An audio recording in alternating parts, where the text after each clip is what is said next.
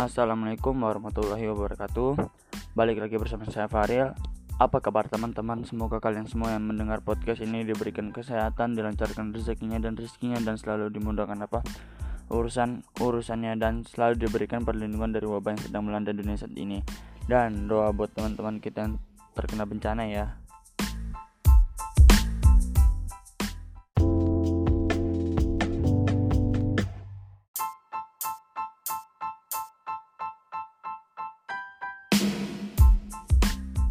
Kembali lagi di segmen podcast sejarah Indonesia, tempat di mana masa lalu diceritakan secara ulang, menarik dan bagus. Oh ya teman-teman, pagi hari ini cuacanya sangat cerah ya. Saya harap kalian lebih semangat. Masa iya calon pemimpin di masa depan mas-masan? Kan gak mungkin. Oh ya teman-teman, untuk kali ini saya mau membahas materi yang menarik nih, yaitu peristiwa sekitar proklamasi kemerdekaan Indonesia. Mengapa menarik? Karena menurut saya materi ini penting loh bagi kita semua agar tahu bagaimana sih sejarah proklamasi kemerdekaan Indonesia.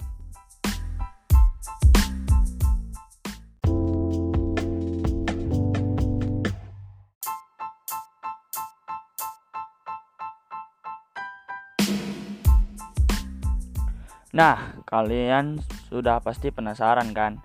Dengar podcast ini terus. So, yang mau nyemil silahkan ambil makanannya terlebih dahulu. Yang mau minum silahkan ambil dulu. Eits, tapi jangan minum minuman yang beralkohol ya.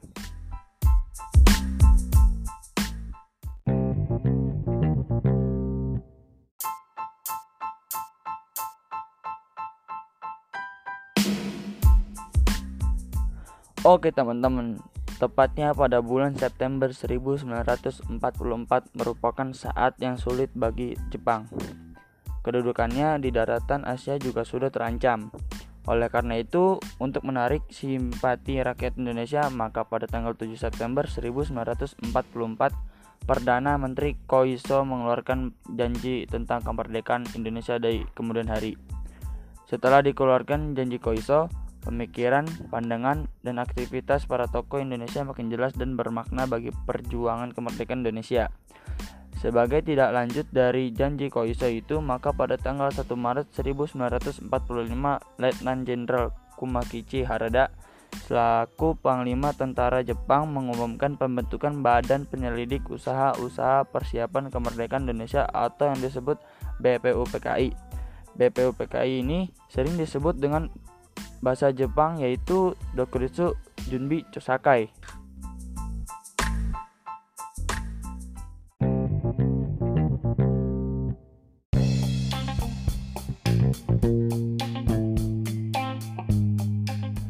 BPUPKI terbentuk pada tanggal 29 April 1945. Pada awalnya jumlah anggota BPUPKI adalah 63 orang ditambah 6 orang sehingga menjadi 69 orang. Jumlah itu ditambah 7 orang anggota orang istimewa yang terdiri atas orang-orang Jepang tanpa hak suara. Keanggotaan wakil dari bangsa Jepang itu bersifat pasif. Artinya, mereka hanya hadir dalam sidang BPUPKI sebagai pengamat saja. Sebagai ketua BPUPKI adalah K.R. T. Diningrat, Iche Bangase Yoshio atau orang Jepang sebagai ketua muda 1 dan R.P. Suroso sebagai ketua muda 2 serta A.G. Pringgo Dikdo. Tanggal 28 Mei 1945 para anggota BPUPKI dilantik dan diresmikan. Pada kesempatan itu bendera Hiromaru dan Sang Merah Putih dikibarkan secara bersama-sama. Setelah BPUPKI diresmikan, segera mengadakan sidang-sidang. Ada dua rangkaian sidang yang dilakukan oleh BPUPKI. Sidang pertama pada tanggal 29 Mei sampai 1 Juni 1945 dan sidang kedua pada tanggal 10 sampai 17 Juli 1945.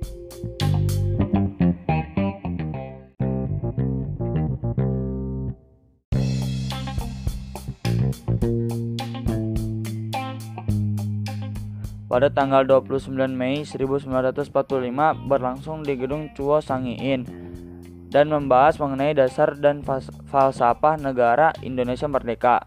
Pada tanggal 29 Mei 1945 tampil Mr. Muhammad Yamin untuk mengajukan usul dan pandangannya yang mengusul lima asas yaitu peri kebangsaan, peri kemanusiaan, peri ketuhanan, peri kerakyatan, kesejahteraan rakyat. Pada tanggal 31 Mei 1945, Mr. Supomo berpidato dan mengajukan usul sebagai dasar negara yaitu persatuan, kekeluargaan, keseimbangan, musyawarah, keadilan rakyat.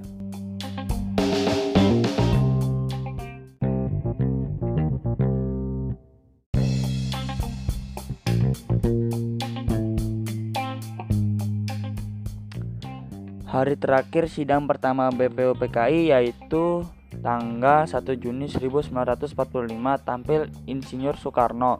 Beliau menyampaikan usul dan pandangannya mengenai dasar negara Indonesia merdeka. Menurut Insinyur Soekarno, nama Pancasila merupakan usulan Mr. Muhammad Yamin, sila yang berarti asas dan panca yang berarti lima. Kemudian pada tanggal 31 Mei sidang dilanjutkan. Pada tanggal 31 Mei ini sebenarnya ada dua tokoh yang berpidato menyampaikan pandangannya tentang falsafah dan dasar negara Indonesia. Pertama Ki Bagus Hadi Kusumo dan kedua Mr. Supomo. Dalam pidatonya, Ki Bagus Hadi Kusumo mengusulkan Indonesia yang akan merdeka itu berdasarkan Islam karena mayoritas masyarakat Indonesia memeluk agama Islam. Dalam pidatonya, Mr. Supomo menegaskan pentingnya negara yang integralistik Secara kang kongret, Mr. Supomo mengusulkan lima hal sebagai berikut. Kebangsaan Indonesia, internasionalisme atau perikemanusiaan, mufakat atau demokrasi, kesejahteraan sosial, ketuhanan yang Maha Esa. Lima asas yang diusulkan oleh Bung Karno itu kemudian dikenal dengan istilah Pancasila. Setelah itu, anggota BPUPKI memasuki masa reses atau yang disebut istirahat. Di dalam masa reses itu telah dibentuk panitia kecil untuk merumuskan usul-usul dan pandangan di dalam sidang pertama. Panitia kecil yang beranggotakan 9 orang hingga dikenal dengan sebutan Panitia 9. Ketua Panitia 9 adalah Insinyur Soekarno dan anggota-anggotanya adalah Muhammad Atta, Muhammad Yamin, Mr. Ahmad Subarjo, Mr. Aha Maramis, Abikus Nocokro Suryo, Abdul Kahar Mutakir, Wahid Hasim, dan Haji Agus Salim.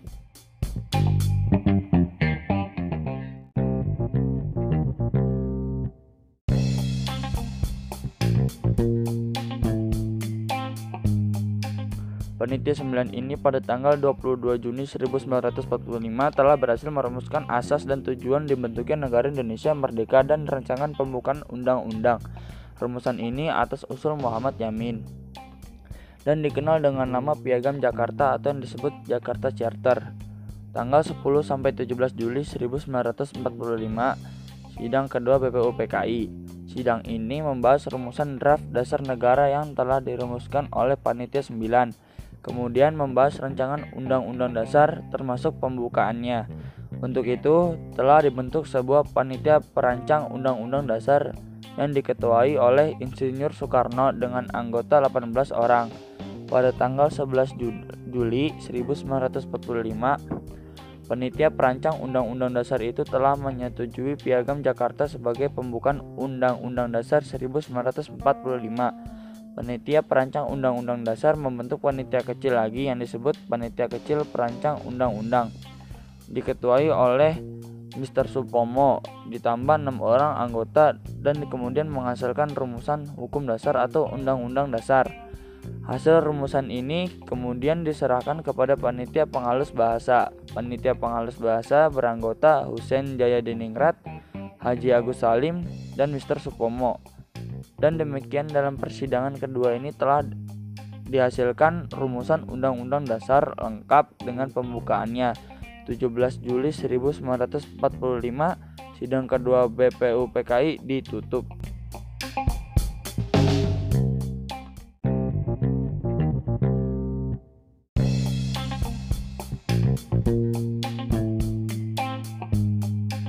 Setelah Jepang membubarkan BPUPKI, Jepang kemudian membentuk Panitia Persiapan Kemerdekaan Indonesia atau yang disebut PPKI atau yang dalam bahasa Jepang disebut Dokuritsu Junbi Inkai.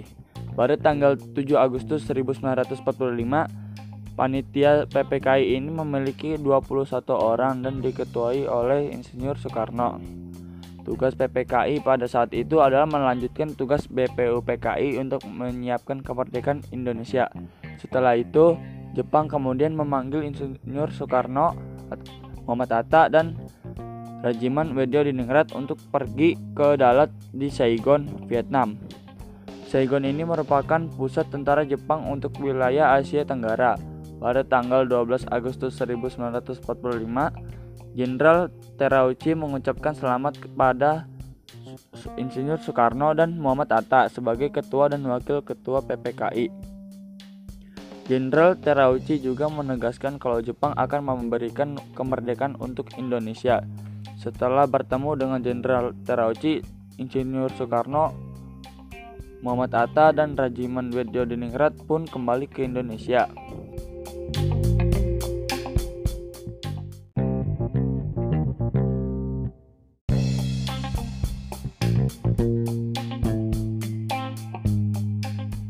Namun, di balik semua janji Jepang tersebut, ada sesuatu yang disembunyikan oleh Jepang. Jepang berusaha menyembunyikan fakta kalau mereka sudah resmi menyerah pada pihak sekutu pada tanggal 14 Agustus 1945. Rakyat Indonesia tidak mengetahui informasi penting ini karena semua alat komunikasi di Indonesia dikuasai oleh Jepang.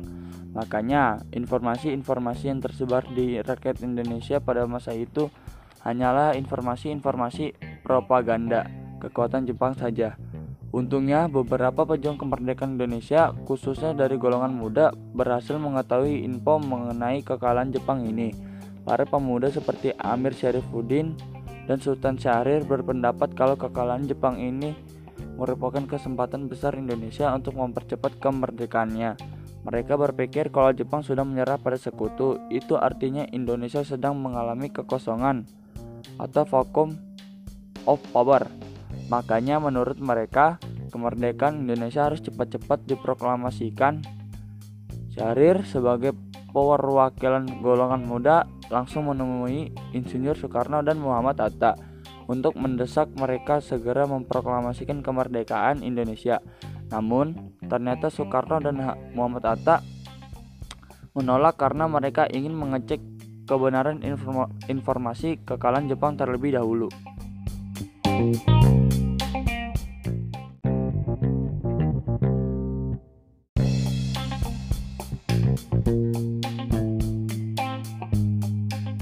Selain itu, mereka berpendapat kalau proklamasi kemerdekaan Indonesia harus dibicarakan terlebih dahulu dengan PPKI Tentu saja golongan muda menolak pendapat Soekarno dan Hatta karena mereka ingin tetap memperjuangkan kemerdekaan Indonesia dengan kekuatan bangsa Indonesia sendiri bukan melalui PPKI yang merupakan bentukan Jepang.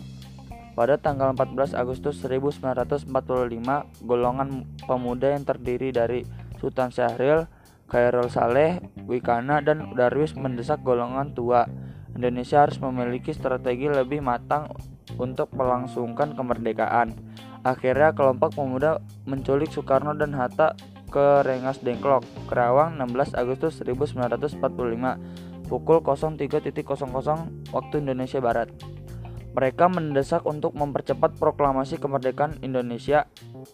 Lalu terjadilah kesepakatan antara golongan tua yang diwakili Soekarno, Muhammad Hatta dan Mr. Ahmad Subarjo dengan golongan muda tentang kapan proklamasi akan dilaksanakan. Setelah melakukan kesepakatan antara golongan muda dan golongan tua, diadakanlah pertemuan PPKI di rumah Laksamana Maeda, Kepala Kantor Penghubung Angkatan Laut Jepang. Rumah beliau dianggap menjadi tempat paling aman untuk melakukan perumusan teks proklamasi yang dihindari oleh pihak dari golongan tua dan golongan muda. Pada tanggal 16 Agustus 1945, teks proklamasi itu sendiri diketik oleh Sayuti Melik.